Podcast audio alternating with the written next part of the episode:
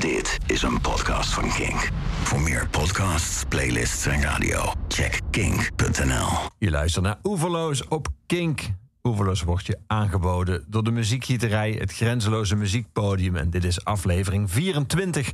En mijn gast vandaag in Oeverloos is schrijver Lucas de Waard. Lucas, van harte welkom. Dankjewel. Fijn dat je er bent.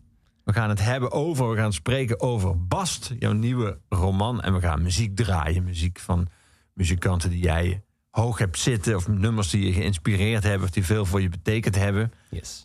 Uh, in Bast hebben we eigenlijk te maken met twee hoofdpersonen. E eentje, uh, Mats, is rond de 50. En Gwen uh, is een stuk jonger, een jaar of 16. 16, ja. Gwen, in 9 ook nog heel eventjes. Maar, ja, ja, precies. Gwendoline heet ze eigenlijk, maar ze heet eigenlijk in het hele boek wordt ze Gwen genoemd. En om het even samen te vatten wat de situatie van de twee is. Dat gebeurt al vrij vroeg, vrij vroeg in je roman. We krijgen nooit bezoek. Er is niemand meer om op bezoek te komen. Iedereen is tot pulp geslagen, miljoenen kelen dichtgeknepen tot er niemand meer opstond. Zo eindigde de wereld. Dat is niet erg. Wij zijn niet geëindigd. Wij leven nog. En we zijn niet alleen omdat we elkaar hebben. Daar hebben we een hoop mazzel mee gehad. Uiteindelijk, maar daar zal ik niets over verklappen, blijkt dat niet alles in het boek is wat het lijkt. Mm -hmm. uh, situatie, maar het grondidee van een, uh, een man van tegen de middelbare leeftijd en een veel jonge meisje die al, eigenlijk alleen maar elkaar hebben. Hoe is dat ontstaan in jouw hoofd? Um, dat is eigenlijk heel spontaan ontstaan. Het, uh, ik, ik, ik, was in, in, in Zeeland. Ik zat daar in een, in een oude boerderij, een schrijfresidentie. Um, om aan een roman te werken, mijn derde roman. En dat was een totaal ander boek dan, dan dit boek. Uh, dat was een soort heel groots opgezet verhaal over een volkswijk... en, een, en met, met een huilend Maria-beeld... en een soort, wat een soort bedevaartsoord zou worden... en een politicus die daar misbruik van heeft. Er gebeurde heel veel. En, um, in Brunsum, allemaal echt gebeurd. ja, nou ja, lichtjes geïnspireerd op... maar dan ja. totaal uit de klauwen gierend. En, uh, en ik, ik, ik, ik, was daaraan aan het werk en het, en het schoot voor geen meter op. Ik zat daar al, uh, al, al, vijf of zes dagen... en ik had, ik had nog geen letter op papier... Um, en ik belde je dan, toen... Als je zegt geen letter op papier, bedoel je dan geen bruikbare letter? Of staat er werkelijk nog een leeg scherm voor je dan? Nee, geen bruikbare letter. Okay. Het is in die zin overdrachtelijk. Ik, ik, ik, schreef wel dingen en die flikkerde ik dan meteen weer weg. Of, of, of, het was, of ik zat ernaar te kijken. Ik dacht, oké, okay, wie weet. Maar het, was, maar het werkte niet. En vooral... Um, bij mij gaan altijd alle alarmbellen af als, als ik geen meters maak. Uh, normaal gesproken, als iets goed voelt bij mij, als, als, als iets valt, dan, uh, dan schrijf ik heel snel, heel veel pagina's. En dan ga ik later ga ik, uh, bijschaven en schrappen. En, um, en dit kwam gewoon niet van de grond. En toen uh, op een gegeven moment was ik, uh, was ik aan het bellen met, uh, met mijn toenmalige vriendin. En die zei: Ja, is dit dan wel het boek dat je moet schrijven? Of moet het wel een boek zijn? Of hoe dan ook, ehm, moet je hier wel mee door op dit moment? als je er ongelukkig van wordt, als je er, als je er chagrijnig van wordt.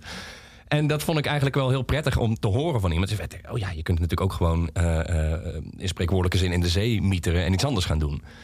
Dus dat heb ik toen gedaan. Ik heb al die, al die uh, Word-documentjes samen in een mapje gedonderd... en, en uh, naar, naar het uh, hoekje van mijn bureauscherm ge, gesleept. Maar niet het rechterhoekje bij het prullenbakje staat? Nee, nog net niet. Oh. Nee, het, het, staat nog ergens in een soort verdomme hoekje van mijn, van mijn Dropbox. Um, en een nieuw Word-document geopend. En ik ben gewoon begonnen met een eerste zin. En daarna een tweede zin en daarna een derde zin. En uh, dat werd een, een man en een meisje in een bos... die daar samen in een huisje wonen. En uh, het einde der tijden is geweest. En zij zijn de enige twee overlevenden. En dat ontstond echt een beetje vanuit het niets. En ik wist op dat moment ook nog helemaal niet wat ik daar mee wilde. Wat ik er uh, mee wilde zeggen. Wat ik erover wilde zeggen. Wat ik, waar het naartoe zou gaan. En de eerste pagina's zijn eigenlijk gewoon puur op gevoel ontstaan. En dat begon smiddags. En s'avonds had ik er tien. En dacht ik, oké, dit is... Dit is dat gevoel wat je wil. Dat er gewoon dat het komt en dat je later gaat bedenken uh, wat het is. En ik heb dat best een tijdje volgehouden in het begin om gewoon puur op gevoel te schrijven. En toen op een gegeven moment vielen er wat dingetjes op zijn plek. En toen, toen werd me helder van, oh, het is zo'n soort verhaal. En dit is, uh, dit is waar het naartoe gaat. En dit is waar het uh, thematisch over gaat. En, um, en toen ging ik uh, natuurlijk weer schaven en, en, en, en, en slepen en modelleren en zo. En, maar het begin was echt puur op intuïtie. Ja. En van die eerste dag waar je toch uiteindelijk tot tien pagina's kwam... zonder dat je ook maar iets had wat op een plan leek. Hoeveel is daarvan uiteindelijk in de roman terechtgekomen? Of was dat vooral, diende dat vooral om het op te starten voor jezelf? Ja, dat is het toch meestal. Die eerste pagina's die je schrijft, die redden het uiteindelijk dan niet. Um, vaak ook omdat daar toch... Uh, je bent daar voor jezelf ook veel aan het duiden. Dus er komt toch veel uitleg in. En eh, eh, je bent heel veel puzzelstukjes bij elkaar aan het verzamelen. En uiteindelijk, of ze verdwijnen omdat je ze niet meer nodig hebt. Omdat, omdat eh, er is gewoon heel veel, als je een verhaal vertelt... wat je niet per se hoeft uit te leggen. Je moet het gewoon laten zien. Ja. Ehm, en sommige dingen komen op een andere plek in het boek. En ehm, zoals bijvoorbeeld ook de proloog waar het boek nu mee begint. Dat is heel lang gewoon een scène geweest. eh, ergens in het midden van het boek. Totdat ik op een gegeven moment besefte, ik moet die naar het begin halen. Eh, Ja. eh, want dan werkt de compositie beter. En zo gaat het met dat soort dingen ook vaak. Dus ik denk, ik, ik kan het niet op zekerheid terughalen. Maar ik weet vrij zeker dat die eerste zinnen er helemaal niet meer in zitten. Nee. Dat, Dat begin van het boek is meteen bloederig. het is meteen is- ja. Ja, het is wel. En daarna wordt het heel lang best wel rustig en, en, en, en, en, vredig. Eh, maar misschien juist ook daarom eh, dat ik besefte van... oké, ik wil er meteen in knallen met een... eh, wat, wat, wat rockbands ook vaak doen. Weet je, dus van, oké, we beginnen gewoon met een, met een hele brute track... en dan daarna kunnen we de, de, de experimentele songs en de ballads doen... maar even dat de mensen weer weten van... oh, ze zijn er weer. In dit geval was het wel zo dat ik dacht... het boek moet wel meteen iets neerzetten van, van een bepaalde dreiging... en van een bepaalde gewelddadigheid die onder alle. eh want ja, het speelt natuurlijk af in een bos en heel veel is, is, is, is ook gewoon fluitende vogeltjes, Ja. eh, ruisende bomen en heel veel fantasie. Ze, deze twee personages zitten heel veel in hun fantasie. Ehm, dus ik wilde gewoon eventjes meteen vanaf pagina 1 duidelijk maken van oké, de, de, de, de, de stakes are high, zeg maar. De, inzet- de inzet is er. Ja. Dus, dus zodoende. Dus het is inderdaad meteen eh, de, de- op, op pagina 1 krijgt iemand een, eh, een, eh, een, een vuistbijl tussen zijn ogen. ja, en het bloed spat je bijna tegemoet als lezer. Ja, ja. En maar, maar daarna wordt het er voor mensen die nu denken: oh, dit, dan, dan ga ik dit niet lezen naast het zwembad op vakantie. Daarna wordt het heel lang, heel, heel, heel rustig en, en aangenaam. Ja, ik zou het juist wel willen lezen naast het zwembad als ik dit zou horen. Mm. Ja, het is ook een smaakkwestie. Ja, precies. Ehm, ik zei het al, Lucas, we gaan eh, over je boek eh, praten en over jou, maar we gaan ook muziek draaien. Eh, ik heb je gevraagd om eens na te denken over nummers die je graag zou willen horen. En Vond ik heel moeilijk. om te bepalen welke je dan niet zou mogen kiezen? Of om, Ja, nou ja, ineens een soort van om, om, om. Want je wil toch een soort van iets representatiefs meenemen. Om, het, om dat terug te brengen tot acht nummers. Ik had nooit gedacht dat ik daar zo lang over na zou denken. Nee. Waarom heeft deze het gered? I Am Clued met Avenue of Hope. Ehm, ja, dit is. Ik weet niet of, of iedereen dit doet, of dat, of dat is heel specifiek voor mij is. Maar eh, ik, denk dat, ik denk dat mensen toch. De, de vraag van welke nummers wil je op je begrafenis horen? eh, dat is er eentje die je toch af en toe wel terug. En, dit is één van. Ik, ik kan er zo twee of drie noemen en dit is, dit is er één van. Ehm, Het is grappig dat dat nou, echt zo'n vaste... Terwijl niemand vraagt wat, wat, hoe, hoe moet de catering zijn, de begrafenis... of welke kleur kist moet het zijn. Maar de muziek is voor iedereen een soort van... ja, nou, catering heb ik ook over nagedacht. Oh. Er moet sowieso gefrituurd worden. Maar het moet wel een beetje tevreden zijn. met- Eh, nee, het- dit, dit nummer heeft eh, alles eigenlijk voor mij. Het is, het is, het is, eh, het is poëtisch. ehm, het heeft een bepaalde eh, eh, emotionele zwaarte zonder echt een heel zwaar eh, nummer te zijn. Er zit een fantastisch jazztrompetje in. ehm, en I Am Clued is gewoon een van de bands die ik... Ik heb ze ooit live gezien in Tivoli. En dat was, dat was anderhalf uur lang prachtig en hartverscheurend en geweldig. En ja, ik vind dit hun beste en, en, en bijzonderste nummer eigenlijk. Ik heb dit voor het eerst gehoord toen het onder de aftiteling van Sunlight was het volgens mij. of Sunshine van Danny Boyle zat. En soms hoor je gewoon een nummer en je, je gaat meteen aan. En dat had, dat had ik bij dit nummer. Ja. Ik vroeg me al af, namelijk, ik had het zien staan... dat het, ik zag dat het extreem veel vaker gestreamd is... dan alle nummers, andere nummers op dat album. Oh, is dat dan is helemaal geen hitband of zo? Of een singleband? Maar dit verklaart dat. Ik wist dat niet dat het in die film zat. Ik denk dat dat het is, ja. Ja. Dat, je, dat je hebt net die film gezien, een heftige film ook. En dan Ja. begint dit nummer. En eh, eh, dat, is, ja, dat, is, dat, dat ga je opzoeken. Ja. Dat deden dus 1,8 miljoen mensen. Nou, Nou, voilà. Dan, dan heb je ergens iets goeds gedaan. We gaan dan luisteren. Avenue of Hope van I Am Clued.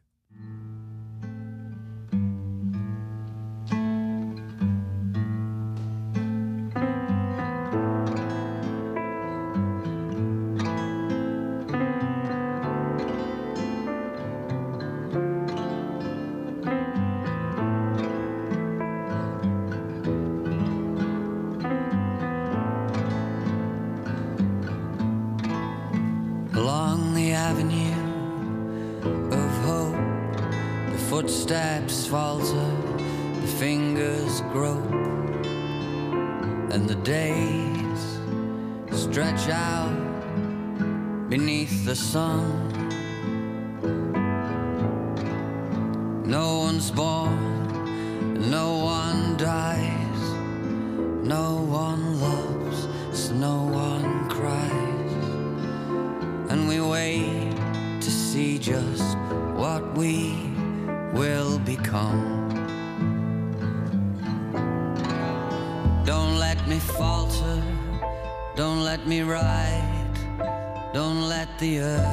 in me subside.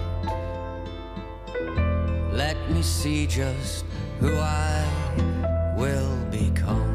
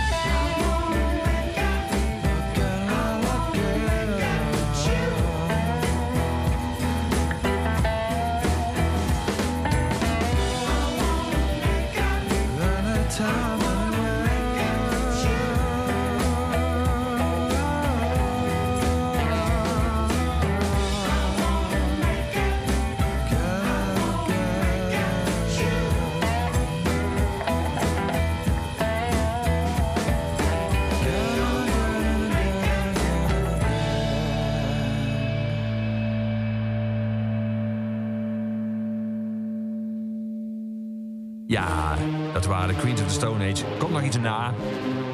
Ah, de outro. Of is het de intro van het volgende nummer? Dat weet je nooit. Allebei, denk ik. Laten we hem gewoon respectvol even laten uitlopen. Ja, lijkt me goed. Het is ook een soort aankondigingsmuziek voor waar we het nu over gaan hebben misschien. Boom, de apocalypse. Huppakee. Ehm, ja, je vertelde, eh, ik- las net voor eh, dat stukje waar eh, Gwen vertelt wat er met de wereld is gebeurd. Namelijk niet veel goeds en iedereen op hun na is er niet meer. Ehm, en heel veel post-apocalyptische romans, om het zo maar even te zeggen. en misschien is The Road van Cormac McCarthy een soort uitzondering. Want die vader in dat boek zijn zoon ook vrij weinig illusies laat over de aard van de mens. Maar in heel veel van die boeken en films zie je toch een soort thema dat er een soort van hoop is nog. Of dat er een soort van. eh, dat, dat in ieder geval iets, iets van een, een lichtpuntje, omdat nou eenmaal eh, het, het vrij beroerd geëindigd is met de wereld. Ja. Ehm, in, in, in, in jouw roman eh, geeft hij in ieder geval haar weinig illusies mee. Het gaat over, over, over, over, over dromen. En, en dan zegt hij: We hebben er niks meer aan, 's ochtends aan onze dromen. Dromen zijn leugens en zinloos om te onthouden. We kunnen er niks meer mee. Maar zij wel. Ze eten ze op en schijten ze uit. En van de stront bouwen ze lichtgevende huisjes. Dat idee dat hij eh, haar, eh, veel jonger, want eh, dan is ze negen, dat stukje, eh, weinig soort van illusies meegeeft. Of, of als je het positiever formuleert, hoopvolle gedachten over de wereld. Zat dat er al snel in bij, bij, bij het schrijven? Op die eerste dag al, bij wijze van spreken? Of, of, of Eh, ja. dat langzaam uit dat dat een mooi contrast was tussen die twee? Nou, eh, Mats, eh, ons, ons mannelijk hoofdpersonage, die haar opvoedt, die, dat is iemand die heel erg in het verleden leeft. En hij probeert de, de hoop en de schoonheid, die zoekt hij heel erg in verhalen over het verleden, over de wereld zoals die was. En hij vertelt haar daarover, hij, hij, hij, hij leert haar eigenlijk over die plek. Ehm, en dat is voor hem een manier om het leven kleur te blijven geven. En het leven voor haar eh, een kleur te geven. Maar hij snapt niet, of hij, hij heeft te laat door. dat dat voor een jong iemand natuurlijk niet werkt. Dat dat te weinig is. Een jong iemand heeft, heeft, heeft eh, een, een idee van een toekomst nodig. Heeft Ja. die dromen en die hoop nodig. En Gwen krijgt dat niet van hem. En daarom, eh, ja, eigenlijk gewoon het leeuwendeel van het boek gaat ook eigenlijk over dat zij dat zelf moet gaan zoeken. En dat ze Ja. het zoekt in. ehm, in, in een soort rebellie tegen hem, eh, maar ook in haar eigen fantasie en in eh, werelden die zij zelf begint te ontdekken. eh, waarvan je, je, ja, waar- waarvan je als lezer dan kunt. God, is dit nu echt? Maakt dit nu echt mee? Of, of, of, speelt dit zich af in haar hoofd? Maar mij was al heel snel duidelijk van dit gaat. Zij is, mijn, zij is mijn hoofdpersonage. En dit boek gaat over haar strijd, haar gevecht voor, voor een toekomst. Zelfs al, eh, eh, al zegt de enige persoon in haar leven dat er geen toekomst meer is.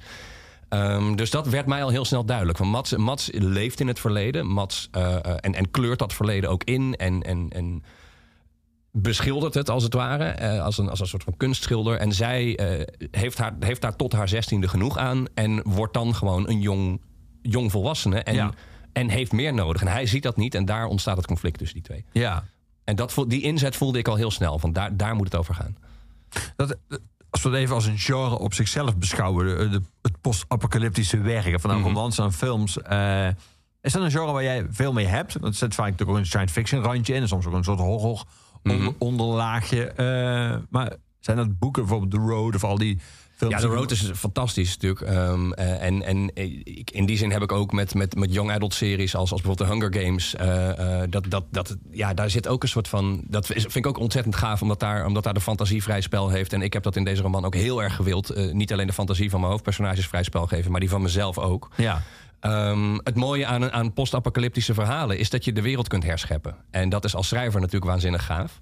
En tegelijkertijd is het, ehm, is het een plek waar je, waar je, waar je heel snel eh, conflict tegenkomt. Omdat die wereld herschapen moet worden, niet alleen door jou als schrijver, maar ook door de personages. En de aller. De, de, de grootste oerdriften van mensen komen, komen weer naar boven drijven zodra er geen supermarkten meer zijn. En, ehm, en zodra het ieder voor zich is. Dus ik denk dat het op de een of andere manier, dat het daarom ook zo'n populair genre is geworden. Er is natuurlijk in fictie de afgelopen jaren is er heel veel post-apocalyptisch eh, in, in, in, in film, in literatuur, maar ook in games bijvoorbeeld. Ja. Ik kan bijna geen game verzinnen die, eh, die de afgelopen jaren is uitgekomen die niet gaat over eh, een post-apocalyptische wereld. En dat, ja, het Komt dat denk je ook, ik kan me herinneren, zeg maar, tegen de millenniumwisseling aan, tegen Mhm. 2000, was er een idee van, weet je, al die ideeën toen. eh, ook mm, gevoed door mensen als Maurice de Hond. Van het zou wel eens mis kunnen gaan. En dan eh, liggen alle systemen eruit. En eh, Had Maurice de Hond het mis toen? Is dat, toen was de eerste keer dat hij het mis had. Ja, toen ging hij. eh, oh, hij heeft het vaker misgehad. wil je? ja, ja, sommige peilingen, David de Moordzaak. eh, Ah, ah. maar dat is het programma. Dat is zelfs dit programma te kort voor, denk ik, om dat allemaal op een rij te zetten. Ja, misschien dat het inspiratie kan bieden voor... voor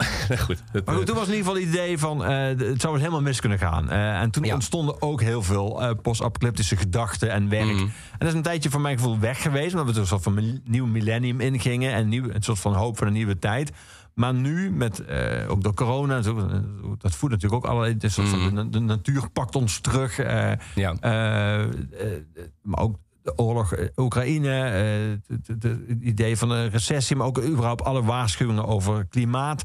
Er lijkt wel weer een soort van idee te zijn dat, dat, dat van een soort van eindigheid Ja. die dichterbij Hoe, komt. hoe de wereld eraan gaat, weten we nog niet. Maar, we- Maar hij gaat eraan. maar dat hij eraan gaat. het- Nou, het- ik denk dat. eh, da- daar zit, ik denk dat het enerzijds een soort van oerangst is van mensen, maar meer nog dan dat. Eh, soms lijkt het wel alsof, eh, alsof mensen er ergens ook bijna een soort van naar verlangen. Naar een soort resetknop. ja, ja. Van, eh, eh, die die de, de, de onoverzichtelijke eh eh, pleurensooi die we ervan gemaakt hebben, een soort van terug naar nul brengt. En, en, en dat, we, dat we opnieuw mogen beginnen. Ja. Eh, eigenlijk een beetje zoals ik met dit boek ook heb, mezelf ook heb toegestaan. Ja, dat kan waanzin, die fantasie. grappig dat je de, term mogen gebruikt, dat we opnieuw mogen Ja, ja, ja, beginnen. maar dat is natuurlijk ook leuk, want iedereen heeft natuurlijk in de fantasie van, van, het post, van, van, de, van de apocalyps en de, en de post-apocalyps. de post-apocalyps heeft iedereen toch een beetje het gevoel van: ja, ik ben dan een van degenen die, die het overleeft. En die ergens een soort eh, eh, settlement mag beginnen. En Ja. dan, en dan, en Dat dat, wordt, dan, en dan worden we zelfvoorzienend. En dat we wordt het eindelijk gaan doen zoals ik het altijd wilde. ja, precies. Ja. En dat, dat, dat, ja, dat, voor het meer, merendeel van de mensen zal dat niet eh, gelden. Nee, maar ik denk dat het een fantasie is. zowel een angstfantasie als, een, als een, een bijna een soort droombeeld voor mensen soms. En, ik, en het prikkelt gewoon heel erg. En ik denk dat daarom het een populair genre is. En ik denk dat ik. Dat ik, had me nooit, ik heb me nooit voorgenomen om een post-apocalyptische roman te schrijven. Maar ehm, toen ik Ja, eenmaal door had dat ik er aan het schrijven was. Ja, toen, toen, toen eenmaal bleek dat ik er een aan het schrijven was, dacht ik wel, oh, oh lekker. En, en ehm, het bood heel veel mogelijkheden. ehm, op het gebied van die fantasie dus. Maar ook heel veel beperkingen. Ja, Eh, ik had- we zitten in een bos. Zij ze zijn met z'n tweeën. Ja. Dus, dus op een gegeven moment, ik, de, de eerste keer dat ze in conflict kwamen. eh, kunnen niet naar de film. Nee, ze kunnen niet naar de film. Ze kunnen er geen, geen, eh, geen iemand van buitenaf bij halen om eens even een mediator of iets dergelijks. Dus op een gegeven moment zaten ze in conflict en ze kwamen er niet uit. dacht ik, ja shit, en nou? They can't agree to disagree, zeg maar. Dus je moet Nee. door. Dus het is, het is ook heel beperkend. Of bijvoorbeeld Gwen, een meisje van 16, opgegroeid in een bos, heeft nog nooit iets anders gezien dan een bos. En het is vanuit haar perspectief vanuit het ik-perspectief. Op een gegeven moment ehm, besefte ik hoe weinig ik eigenlijk kon met, met beeldspraak en metaforen. Want eh, iets vergelijken met een, met een voertuig of met een catering of met een. Weet je, dat kan allemaal. Ik kon het eigenlijk nergens anders. Ik kon haar gedachten en haar gevoelens nergens anders mee vergelijken dan met dingen die ze in dat bos tegenkomt. Eh, wat, een, wat een waanzinnige uitdaging bleek. En uiteindelijk krijg je daar dan ook weer heel erg veel eh, plezier in. Maar je moet bijna de hele taal van iemand gaan, gaan heruitvinden eigenlijk. Ja. Dus ja, het is, het is, het, is, een, het is een genre waarvan ik, waar ik, waar ik ontzettend veel plezier. Ik heb ontzettend veel plezier eh, eh, eh, gehad met, met me erin begeven, zeg maar. En het, maar het is ook ontzettend uitdagend geweest. Ja. Ze vragen, zou je me aanraden om een post-apocalyptische roman te schrijven? Dus ik zeg, nou, als je, alleen als je heel veel tijd hebt. We gaan muziek draaien, Lucas. We gaan luisteren naar een band waarvan je me net voor de eh, opname begonnen vertelde dat je ze nog hebt gezien onlangs, omdat ze de ho hoofdact waren op Douwpop. Editors. Hoe waren ze? Eh, fantastisch. Ja? Ja, het, is, het was heel tof om ze, eh, om ze als hoofdact te zien op een wat kleiner festival. Ik heb vaak toch het idee dat dan eh, dat bands net een stapje extra zetten. Omdat het, en, en het publiek ook. Omdat je. het, het, het is dan net wat bijzonderder. En het was, het was een waanzinnig mooie dag. Het was, het was een festival. En een festival nu is natuurlijk. Ja, we hadden het er net voor de uitzending al even over. Het lijkt, het lijkt alsof Nederland bevrijd is op het moment dat je hoort over festivals. Het, Pinkpop, Lowlands, noem het maar op. Mensen raken er niet over uitgesproken. Dit weekend North Sea Jazz. En ja, dat, op Douwpop hing ook zo'n euforische sfeer van... we mogen weer, we zien weer bands, we, zijn weer we, we, we, we staan weer tegen elkaar aan... we voelen weer verbinding eh, eh, met elkaar, met die muziek, met de artiesten. En, eh, nou ja, editors waren fantastisch. En ik had niet gedacht dat ze dit nummer zouden spelen... omdat het volgens mij geen single geweest is. En omdat het een vrij klein liedje is. En ineens deden ze hem wel. En uh, dat in combinatie met een ondergaande zon en, en zo'n zo'n bevrijde festivalweide, dat was, ja, dat, dat was waanzinnig mooi. Dus, dus ik denk dat hij daarom ook een beetje de, lijst gehaald heeft. De Phonebook. Hier zijn editors.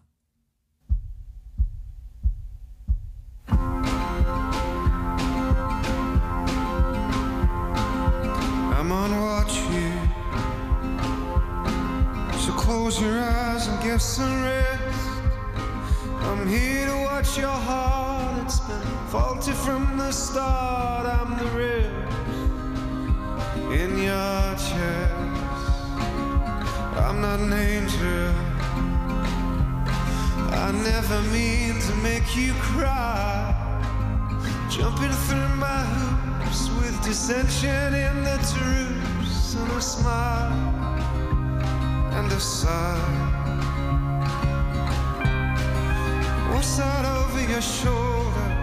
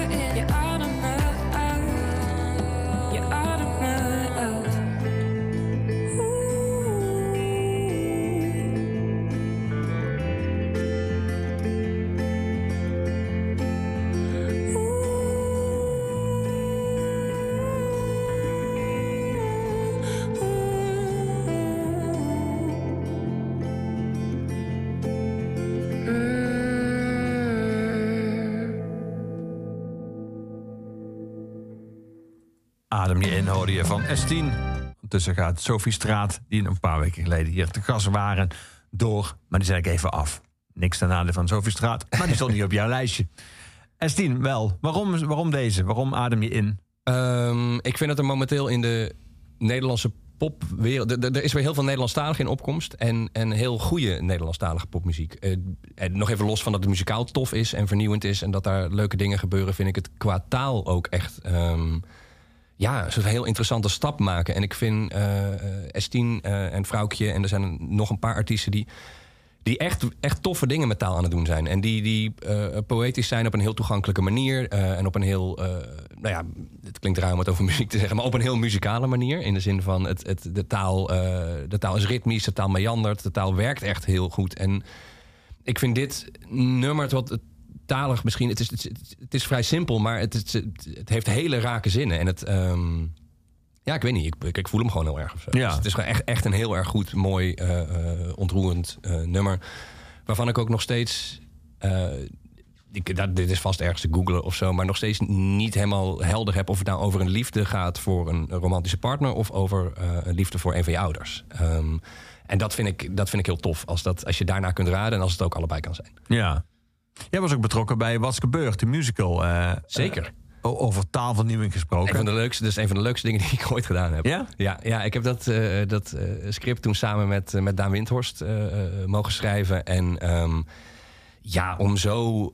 En natuurlijk, en natuurlijk heel erg ook in samenwerking en samenspraak met, eh, met de jongens van de jeugd. En, maar om zo in die, eh, in die waanzin te mogen. En, en om hun eh, weirdness en taligheid en absurditeit te mogen vertalen naar een soort verhaal. Want zij, zij zij hadden een verhaallijn bedacht en wij moesten dat dan vormgeven. En. ehm, Ja, ik denk dat het. Ik, ik, ik, blow al sinds mijn twintigste eh, niet meer. Maar het is het meest stonende ding wat ik ooit geschreven heb. En ja, het is, het is waanzinnig. Het is, het is heel erg leuk om dat gedaan te mogen hebben. En wat heel tof was, is we zijn er toen een aantal keer wezen kijken tijdens die tour. En dat de theaterzalen dus volstroomden met allemaal jong publiek. Wat, wat doorgaans niet in die schouwburgen te vinden was. En, eh, en die zetten daar heel de, heel de toko op zijn kop. En dat was gewoon heel gaaf om te zien. Eh, dus daar, ja, daar was ik heel trots op toen. Ja. Maar jullie kregen wel de vrijheid, omdat het idee al, het, het grote verhaalidee was dus al bedacht door de. Ja, door ja de zij, waren een avondje gaan zitten met eh, een, een stel goede flessen eh, Chianti, volgens mij. Eh, althans, zo omschreven ze het zelf. En, en, en waren met een totaal bonkers verhaallijntje gekomen. En nou ja, de vraag was inderdaad van... oké, eh, ma- ma- maak hier maar wat van. Ehm, Maar dat mocht dan ook En, in alle eh, vrijheid. ja, ja daar, daar hadden zich al wat scenario-schrijvers op stuk gebeten. En, eh, eh, en, toen, en toen kwamen wij. En er zat inderdaad een bepaalde vrijheid in. Of nee, dat weet ik eigenlijk niet eens. In de zin van, misschien hadden ze het ook wel... Ze hadden het ook zomaar kunnen afschieten waar wij mee kwamen. Maar we, we hebben, wij zijn toen ook met z'n tweeën op het terras gaan zitten. Kwamen met, eh, met een soort uitwerking van die verhalen. En hebben dat bij ze neergelegd tijdens een editje van... Nou, dit is wat wij denken dat het moet zijn. Ehm, en ze vonden dat tof, dus ze zeiden van oké, cool, ga maar schrijven. Eh, en daar voelden we ook echt heel veel vertrouwen in van hun kant. En, en, en ze gaven input en ze dachten mee. Maar we hebben wel inderdaad heel erg de vrijheid gekregen... om daar ook echt ons eigen eh, super weirde ding van te maken. En, Ja. ja, het is gewoon. eh, Ja, het was natuurlijk ook met poppen en met en fantastische acteurs. En Peter van der Witte, geweldige regie erop losgelaten. Dus het was echt een gave productie. Ja. En zit je dan nog aan beperkingen vast als je zo'n idee met z'n tweeën bedenkt, omdat het ook uitgevoerd moet worden? Het moet ook een soort van uitvoerbaar zijn, technisch haalbaar, betaalbaar. eh, Nou ja, dat is natuurlijk het leuke met dat het een poppenmusical was. Is dat je in principe qua stunts en zo. Kon je best, we, we hebben- er een enorme vechtscène. eh er zat een ontzettende kung fu vechtscène in tussen, tussen, eh, tussen Wiwa en, en, een, en, en een, een van de andere personages. waarin eh, Wiwa uiteindelijk ook sterft. En dat, was, ja, dat, was, dat kon totaal over de top, want het was, het was met poppen. En, en dat, dat bood heel veel mogelijkheden. Ook om sommige dingen ook die dan. poppen hebben toch beperkingen of niet? Of, Pop hebben wel beperkingen, maar kunnen wel door de lucht vliegen en kunnen een soort kunnen, kunnen karate moves doen en kunnen ze gaan ook de ze gingen ook de ruimte in en zo weet je, dus er- alles kon gebeuren en eh, dus ik, heb, ik, ik kan me niet herinneren dat ik, dat ik tijdens het schrijven op een gegeven moment dat een van ons tegen de ander, eh, als, als Daan en ik dan zeggen we dat een van ons tegen de ander moest zeggen van nee, volgens mij is dit niet haalbaar. Klinkt als iets waar je ook ongelooflijk veel gelachen hebt. Ja, ja, we hebben dit trouwens nog eens een keer geprobeerd te herhalen met een andere musical. En die was niet met poppen, maar met mensen. En toen hebben we de fout gemaakt ook daar te denken oh, dat, dat alles haalbaar was. Dat was niet. Er zijn er vier overleden, of niet? Ja, ja, ja zeker. Ja, dat is dat, we hebben nog steeds allemaal schadeclaims lopen. Op een gegeven moment zit in, eh in, in Boston een passage waar eh, Gwen dingen vertelt die Mats niet weet. En de tweede daarvan is, soms hoor ik muziek in mijn hoofd, terwijl we hier geen muziek hebben. Mijn herinneringen aan ons leven hiervoor zijn weg, bijna allemaal een paar flarden na. Maar er is muziek overgebleven en dat vertel ik hem niet. Toen ik zat na te denken over zo- zo- zo'n wereld waarin en niemand er meer is en er ook Hmm. bijna niets meer is en je alleen maar in een bos zit, eh, in een huis, afhankelijk dat dat ook met het huis misgaat, maar dat komt veel later in het boek. Ehm, toen probeerde ik me voor te stellen, oké, er is dus ook geen muziek meer. Eh, hoe erg ik dat zou vinden. Mhm. Ik kwam erop uit dat het verschrikkelijk zou vinden, terwijl ik me ook kan herinneren dat ik voor corona zei dat ik me geen leven kon voorstellen zonder concerten, terwijl we toch allemaal twee jaar lang zonder concerten geleefd hebben. Nou, Ja. We zitten hier nog steeds tegenover elkaar. Dus kennelijk is het feitelijk gewoon leefbaar. Eh, het is minder leuk, maar het is wel te overleven. Ja. Toen je dit opschreef, toen je dit Gwen lag, eh, dit, Gwen eh, eh, liet denken en die herinnering aan muziek die ze wel nog gehoord heeft, eh, liet hebben, heb je er ongetwijfeld over gedacht hoe jij, hoe jij het zou vinden als er geen muziek meer zou zijn? Nou, ik heb, dat zelfs, ik heb daar zelfs een keer heel erg over na moeten denken, noodgedwongen. Ehm, ik heb de ziekte van Meniere, wat een, wat een progressieve eh, gehooraandoening is. En ehm, die heb ik tien jaar geleden gekregen. En vrij snel werd ik praktisch geheel doof aan mijn linkeroor. En, en, en daarna werd dat een soort van eh, status quo. En, en die ziekte die ontwikkelde zich niet verder. En inmiddels is dat ook eigenlijk in zijn geheel gaan liggen. Ehm, maar er is een zomer geweest waarin het aan mijn rechteroor ook even misdreigde te gaan. En ik een paar weken lang eigenlijk geen klankverschil meer kon horen. En mensen heel slecht eh, verstond. En ook geen muziek dus meer kon luisteren. En ik heb toen moeten nadenken van oké, van stel dat dit niet weer goed komt. Het is uiteindelijk goed gekomen, althans met dat rechteroor. Maar ik heb toen na moeten denken van oké, stel dat dit niet goed komt. ehm, hoe gaat mijn leven er dan uitzien? En eh, waar ga ik dan afscheid van moeten nemen? En muziek was het, dat, stond, dat, dat, werd er, eh, dat was er meteen in. Van oké, dat is dan iets dat gaat verdwijnen. Ik ga dat niet meer dan. eh, ik ga daar niet meer van kunnen genieten. Ik ga dat niet meer. En gek genoeg weet ik nog van toen dat ik me daar best wel snel bij neerlegde. Als in.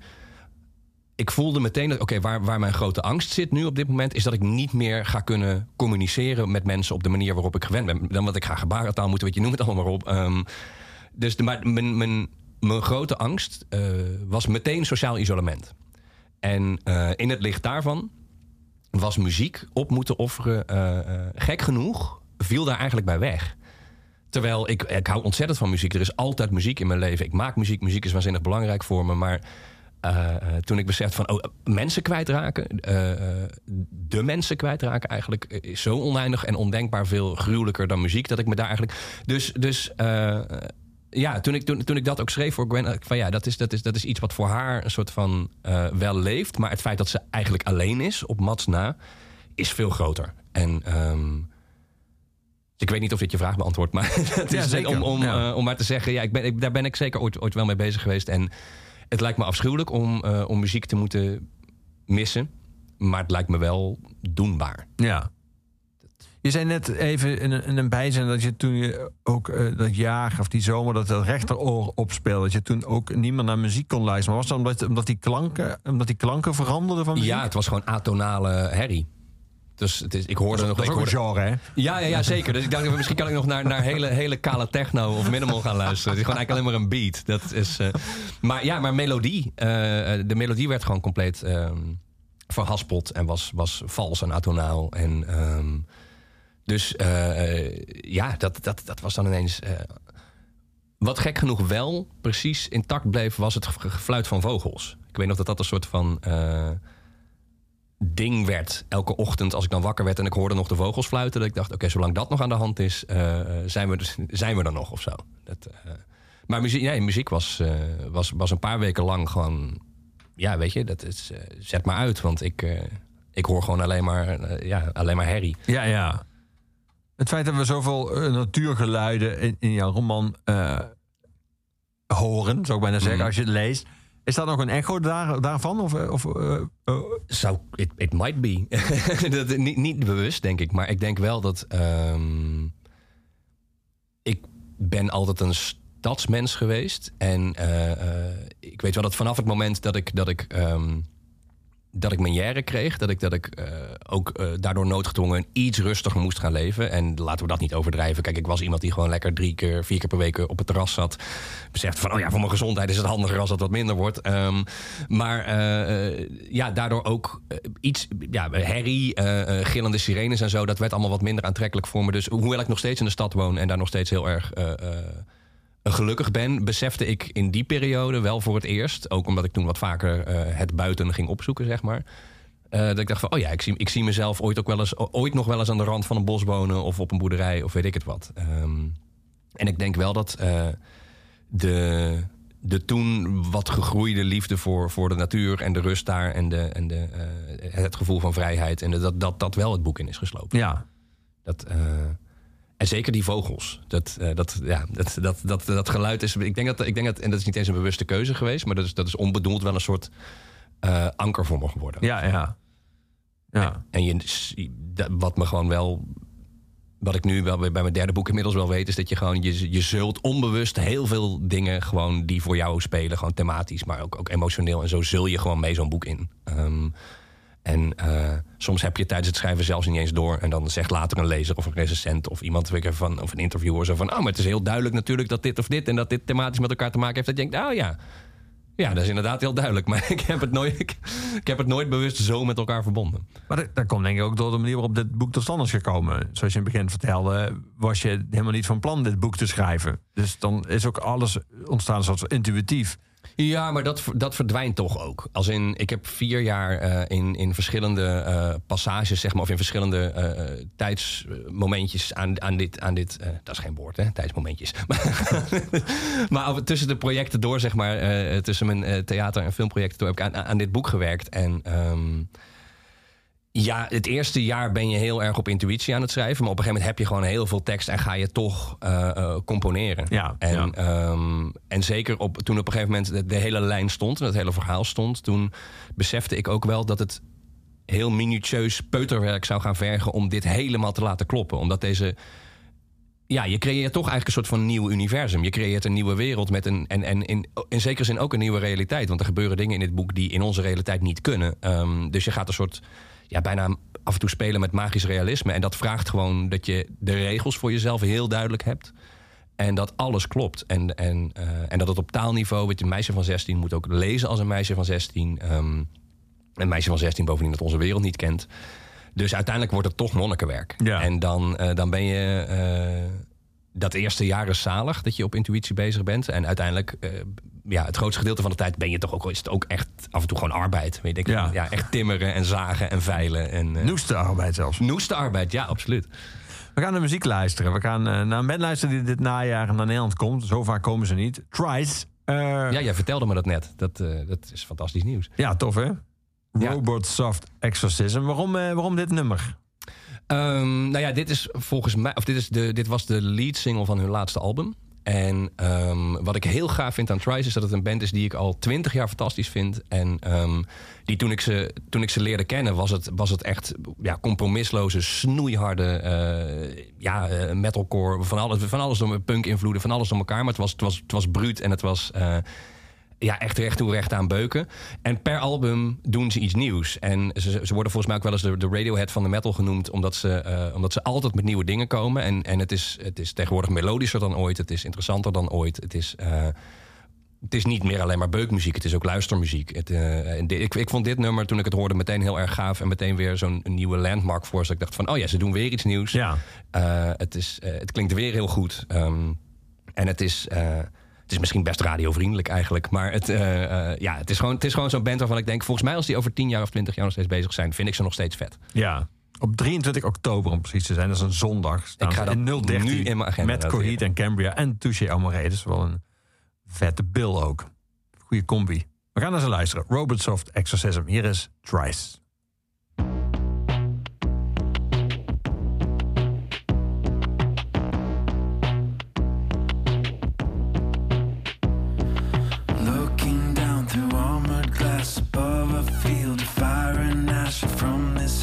It's hard to even tell just what it's like outside the suit. The terror and the torn up roots, the lives you've helped to make a living hell. But there's another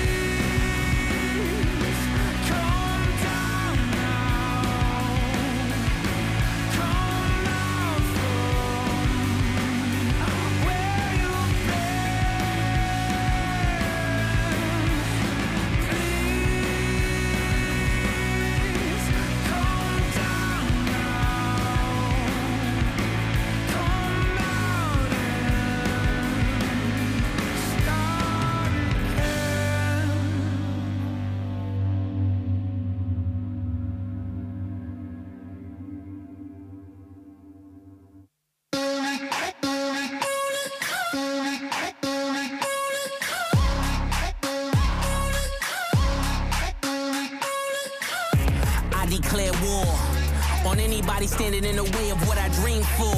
How could you ignore the ones that are voiceless, scream from the poor? They only hear the score. I do it for the underground kings that don't need more. I'm kicking down your door. If I wonder why you got a pocket full of green for, it's all about the get back. It's hard to give back while the politicians kick back. They say I'm only brick rap. Well, that's the foundation of this mountain that I live at. I can get you kidnapped. These kids ain't playing with you, acting like you live rap. And all those little mishaps that only happen to you misfits. I'm here to fix that. Yeah.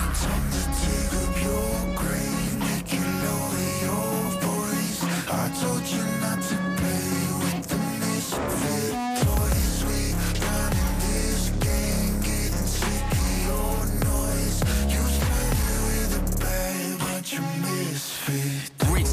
while the poor pickpocket. Swipes smacks well till the cops come knocking. Have or have not, being broke is not an option. Time after time when you gotta think for watches.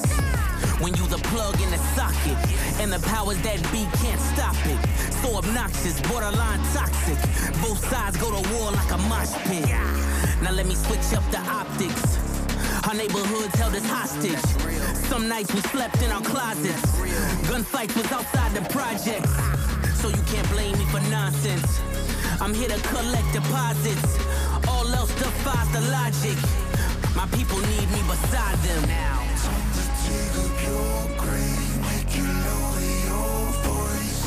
Don't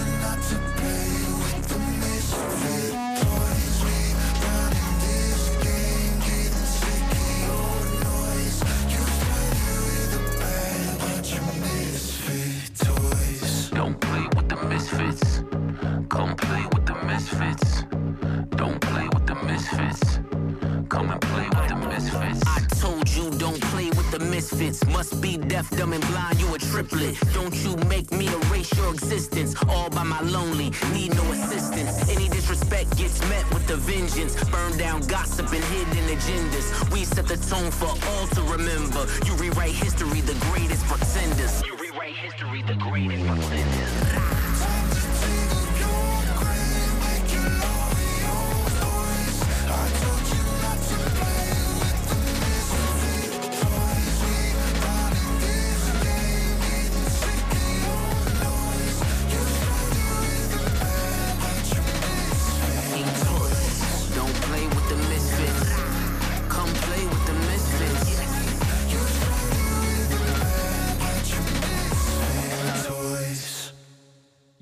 Lucas, naar wie luisterde we?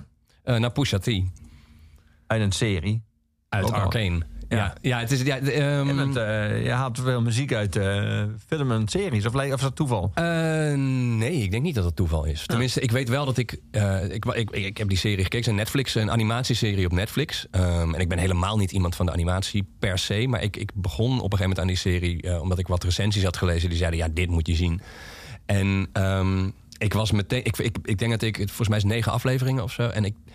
Qua storytelling denk ik, is het een van de beste dingen die ik de afgelopen jaren gezien heb. Ik vond het echt waanzinnig goed en, eh, en meeslepend en interessant. En, eh, en, de, en de animatietechnieken zijn te gek, maar de, Dus je de- hebt het gebinged. ik heb het echt gebinged en ik ben een heel slechte binger. Ik, ik vergeet altijd dat ik series aan het kijken ben. Of, dus er zijn echt maar een paar series die, die me echt hoekt krijgen. En eh, ja, Arcane was, wa- was zo'n serie. En ja, de soundtrack is waanzinnig. Dus ik had, toen, ik, toen ik mijn lijstje aan het samenstellen was, dacht ik... Ja, ik moet één van de nummers van die soundtrack hebben. En ehm, ja, dat is deze geworden. Ja. Maar het, ja, als je het, eh, het is echt een dikke tip. Als je, als je Arcane nog niet gekeken hebt, dan eh, eh, ja, ga dat kijken. Ja. Het is, zo rond de eerste drie afleveringen denk je, oh, het is een beetje. Het heeft ook weer iets post-apocalyptisch trouwens. Dat is, dat is misschien toeval. Maar eh, de eerste drie afleveringen is nog een beetje recht toe, recht aan verhaal. Dat je denkt van, oh ja, ik ken deze, deze tropes wel. En dan in eind aflevering drie, drie, dan gebeuren er wat dingen. Ze gooien wat dingen om. Dat je denkt, oh, oké, holy shit, dit is wat we aan het doen zijn. Ehm, ja, ik, ik heb het daarna echt, echt, echt opgevreten, die serie. Klinkt heel goed. Ik ga deze tip te harte nemen. Lucas, Yes. dankjewel. Je zei net eh, dat je eh, af en toe merkt dat als mensen iets vragen voor het boek... of als je iets leest van, eh, van lezers, dat je... het- Oh inderdaad, nu, nu het zegt. Ehm, ik, ik las een, een hele positieve... Hele, nou, met positief klinkt nog te zwak. Een ronduit lyrische eh, bespreken van, eh, van je roman... op, eh, op een van de sites van lezers. Ik weet niet of het Hebben was of een van die andere, Goodreads. Eh, maar die was heel erg fan van de kat die in het boek zit. Ja. Lucius, die, die praat. en die, die, die ervaarde dat als een geslaagde parodie op een roman van Hofman. Waarbij ik meteen toen ik het las dacht... heb je dat eigenlijk zo bedoeld of niet? Of is dat weer zo'n voorbeeld van dat iemand anders iets ziet... van, wat grappig dat je dat erin ziet, want zo heb ik het zelf eigenlijk helemaal nooit bedacht. Ehm, ja, het is, ik, ik heb het hart bijna niet om het te zeggen. Want ehm ja, was inderdaad zo enthousiast over die, over die vergelijking die hij daarin... Want ik heb hem ook gelezen, die, die bespreking. En eh, over, over die, die, dat verband dat hij daar legde. Ja, want er is een kater die heet dan Moer eh, in, een, in een roman. En die is juist heel leergierig en enthousiast. En eh, Lucius, Lucius is dat jou- niet. Jouw kat is dat natuurlijk niet. Nee, is een beetje cynische zeikert. Dat, nee, het is, dat, is, dat is niet een bewuste verwijzing. Ik ben me wel bewust geweest tijdens het schrijven van dat Murakami bijvoorbeeld, Haruki Murakami, veel gebruik maakt van, nou ja, niet alleen, maar nou, sowieso katten. En Ja. dus soms ook pratende katten. Dus eh, terugkerend eh, ding in zijn werk. Ja. Ehm, ook dat is hoewel ik me daar bewust van was. En hoewel ik wel me heel schatplichtig voelde aan Murakami. In de zin van dat hij natuurlijk ook zich bedient van magisch realisme. En dat hij ook zijn eigen regels eh, schept. Zijn eigen universum schept. Waarbinnen een soort van hij bepaalt van nou, dit kan wel, dit kan niet. En ik hoef ook niet alles uit te leggen aan de lezer. Dus ik voelde me heel schatplichtig. Ik heb heel veel geleerd van, eh, van zijn romans over hoe je zoiets misschien aan kunt vliegen. Maar ook in het geval van, van eh, Lucius, eh, de pratende kat in mijn boek. ehm, is het zo, die is in, het, in dat eerste jaar waar we het er straks over hadden, dat, dat intuïtieve schrijfjaar, zeg maar. Is hij ehm, op een dag, of op een nacht eigenlijk moet ik zeggen. Ik kon toen niet slapen. En ik, heb, ik werk eigenlijk nooit s'nachts. Ik ben heel erg een, een, gewoon een schrijver die overdag. En op een gegeven moment om vijf, zes, a zes uur. dan leg ik mijn werkzaamheden neer en dan ga ik andere dingen doen. Maar in dit geval, ik, ik, ik lag echt al drie uur wakker in bed. Niet te piekeren, maar gewoon. Ik kwam niet in slaap. En op een gegeven moment werd ik, dacht ik, nou, hier word ik zagrijnig van. Dus ik, ik ben maar opgestaan en achter mijn laptop gaan zitten. En ik zat toen ook een beetje vast in het boek. En. ehm, ik ben toen een scène gaan schrijven en eh, op een gegeven moment kwam, eh, kwam de kat die scène binnengewandeld. En dat, dat, hoe ik daar precies op kwam, weet ik niet eens meer. Maar ik weet wel dat het meteen heel erg duidelijk was voor me van... oh, dit is een heel belangrijk iets. Eh, en ineens had Gwen, eh, die in, haar rebellie tegen Mats, een maatje. En ineens had ze iemand om tegen te praten, maar ook iemand die haar op kon stoken. Want het is natuurlijk zo, op het moment dat je... wat- Het gaat natuurlijk ook feitelijk over dat Gwen gaat puberen. En als je gaat puberen, dat weten we allemaal nog... dan zijn je vrienden waanzinnig belangrijk. En eh, eh, je spiegelt je aan je. Je wil je niet meer aan je ouders spiegelen. Je wil je aan een vriend spiegelen. Of aan een vriendin. Of aan heel veel vrienden en vriendinnen. Of aan een hele middelbare school. En Gwen had dat niet. En ineens kwam, eh, kwam Lucius eh, eh, aan en bleek te kunnen praten. En ineens dacht ik, dit, is, ja, dit gaat haar... Dit gaat haar een maatje geven en dit wordt, dit wordt een onruststoker. Dit wordt het, het, het duiveltje dat in haar oor lispelt. haar jago, haar... ehm, en, en ja, dat was, dat was soms tijdens het schrijven van een boek... heb je altijd een paar van die momentjes natuurlijk... dat je denkt, yes, bam, Eureka. En dit, dit was er één. Maar hij was in die zin is hij nooit... Ik was me bewust waar, waar ik ermee naar zou kunnen verwijzen... of waar lezers verwijzingen zouden kunnen zien. Maar voor mij was hij echt gewoon een, een tool die het verhaal nodig had... om, eh, om het verder te brengen. Ja. En het was ook iets wat je nodig had om alsnog te kunnen gaan pitten. Uiteindelijk, ja, ik heb als een, als een blok geslapen daarna. Ik was, ik was, dat is wel zo trouwens. Ik ben terug naar bed gegaan, heel tevreden met mezelf. En eh, prima geslapen. Ja. Maar ken ik, eh, het is ook het idee bij jou als je dus drie uur niet de slaap kan vatten. Van wat misschien helpt, dus dat ik dan nu ga schrijven. Dat is een soort van remedie. eh, om, dan ga ik dat maar doen. Ja, en in die zin had het natuurlijk ook iets anders kunnen zijn. Maar ik denk wel, als je, eh, als je, als je dan toch wakker ligt... en eh, op een gegeven moment wordt het natuurlijk een, wordt het een self-fulfilling prophecy. Je, je, je- zolang je denkt aan slapen, ga je niet slapen. Dus je kunt maar het beste gewoon iets anders gaan doen. Want dan, eh, dan gaat je hoofd ook wat anders doen. En dan, Ja. en dan misschien dat het later dan wel lukt. En ik dacht ook wel, ja, dus goed, mocht het dan niet lukken... dan. Ja. heb ik in elk geval geschreven. Ja. Maar dan ga je dus iets creatiefs doen.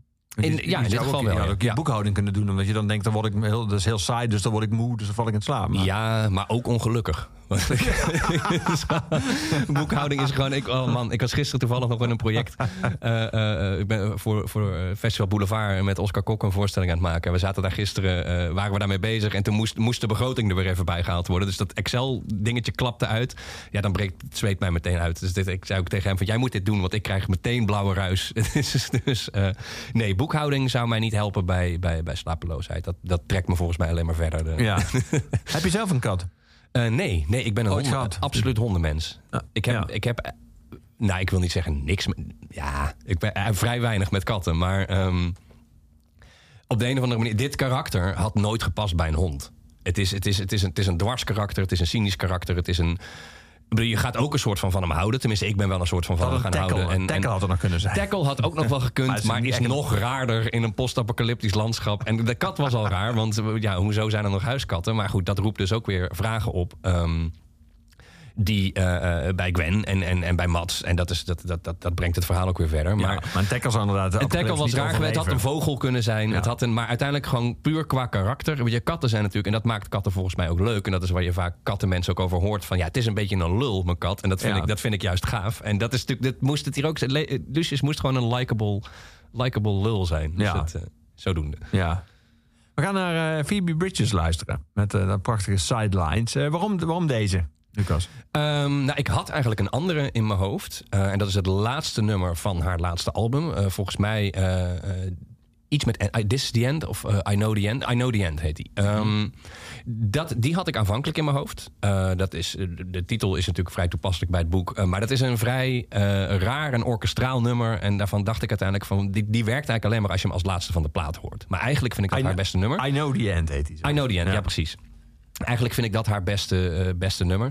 Ehm, maar toen ik besloot dat van ja, maar die, die werkt eigenlijk niet. Want dan moet je dus eerst die hele plaat luisteren. Dat gaan de mensen nu niet doen. Ehm, en toen, eh, toen moest ik aan deze denken die ik een tijdje terug in de auto op de radio hoorde. Eh, eh, en ik zat op de snelweg en er werd aangekondigd van nou, de nieuwe single van Phoebe Bridgers. En dan op het moment dat je iemand zo goed vindt als ik Phoebe Bridgers vind, dan. en ik had hem nog niet gehoord, dan slaat de schrik je altijd even om het hart. En denk van, oh god, als het maar goed is. Ehm, en ik vond het meteen een, eh, eh, een waanzinnig prachtig nummer. En eigenlijk staat hij wat mij betreft gewoon voor haar hele repertoire. Het is, ik vind haar de, de, de, misschien wel de meest interessante eh, en, en spannende en ontroerende... en noem het allemaal maar op, singer-songwriter van dit moment. En dit is, ja, dit is gewoon een fantastisch nummer.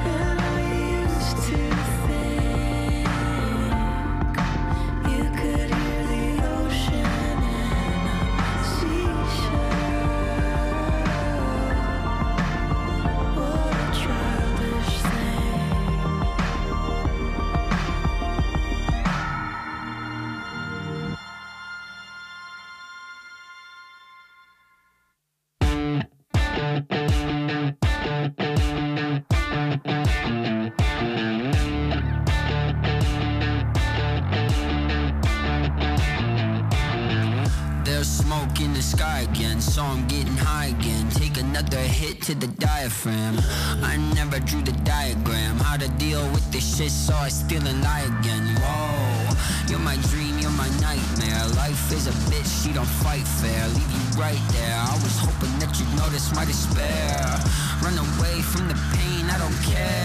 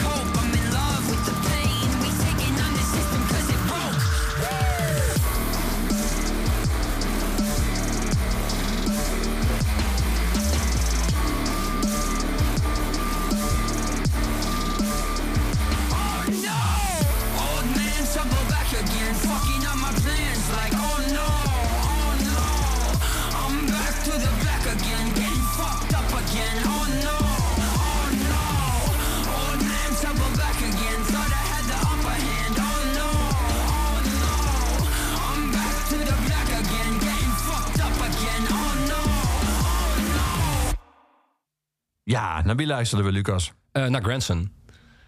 En eh, Vertel hem maar hoe je in dit nummer komt. ja, ja, ja, Het zal weer eens niet. het zal weer eens niet. Een soundtrack.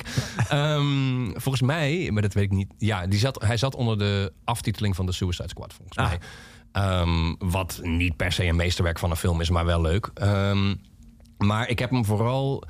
Je hebt, je hebt een paar van. Volgens mij heeft iedereen wel zo'n nummer. Of een paar van die nummers die, eh, eh, die je over een dood punt heen kunnen helpen. Of dat je gewoon als je de deur uitstapt, dat je je koptelefoon opzet. En dat, dat, dat is een soort van bam, daar gaan we, de dag begint. Een beetje je walking tall nummer, zeg maar.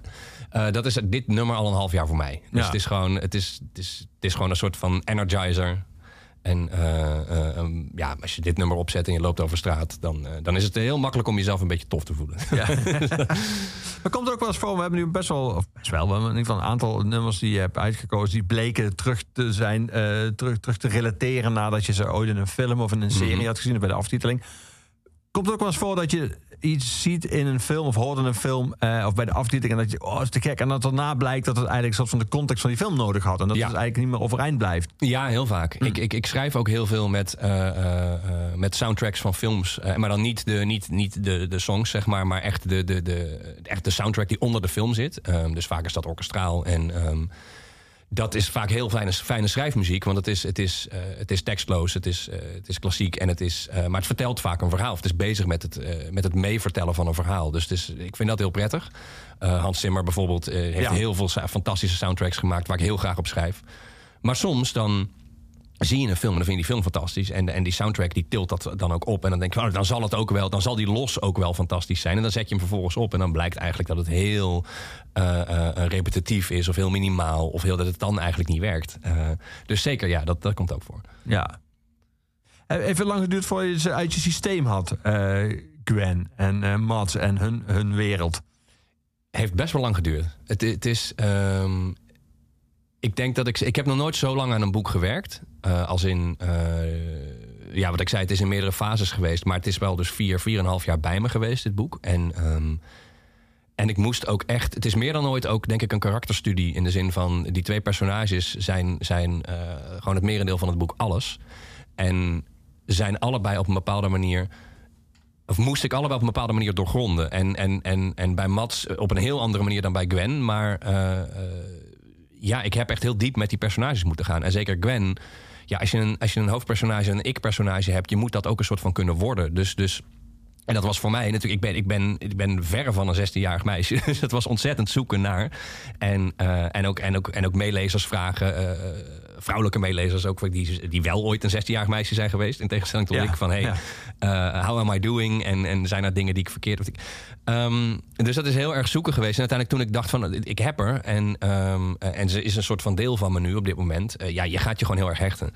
En ik denk dat in dit geval... eh, dat van al mijn hoofdpersonages tot nu toe Gwen mijn absolute favoriet is. Dus ik vraag me af of ik er ooit helemaal kwijt ga raken. Ik denk het eigenlijk niet. En dat is ook wel prima. Ja.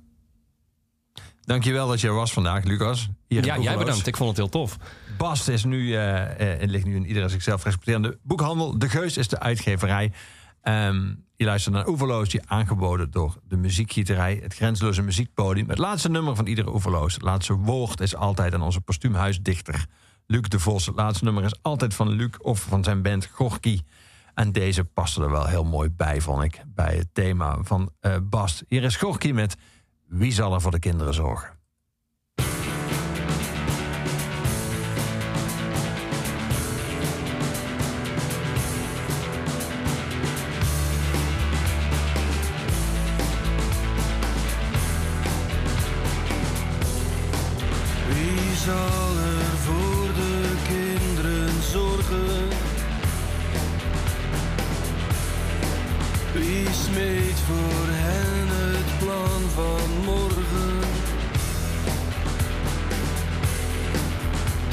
Kleine bengels blijven janken.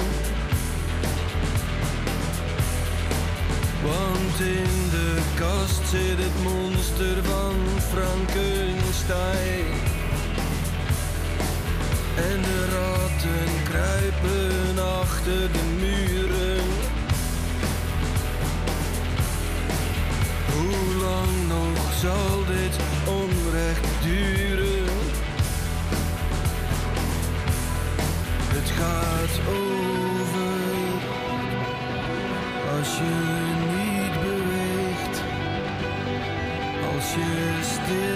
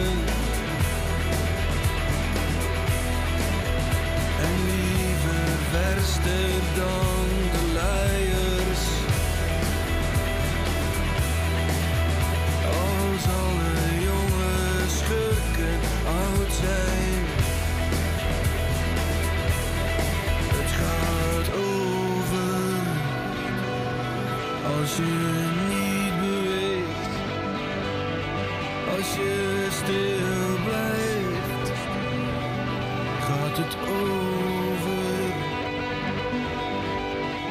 Slacht het kalf met de gouden eieren. Breek de boel af, leef in.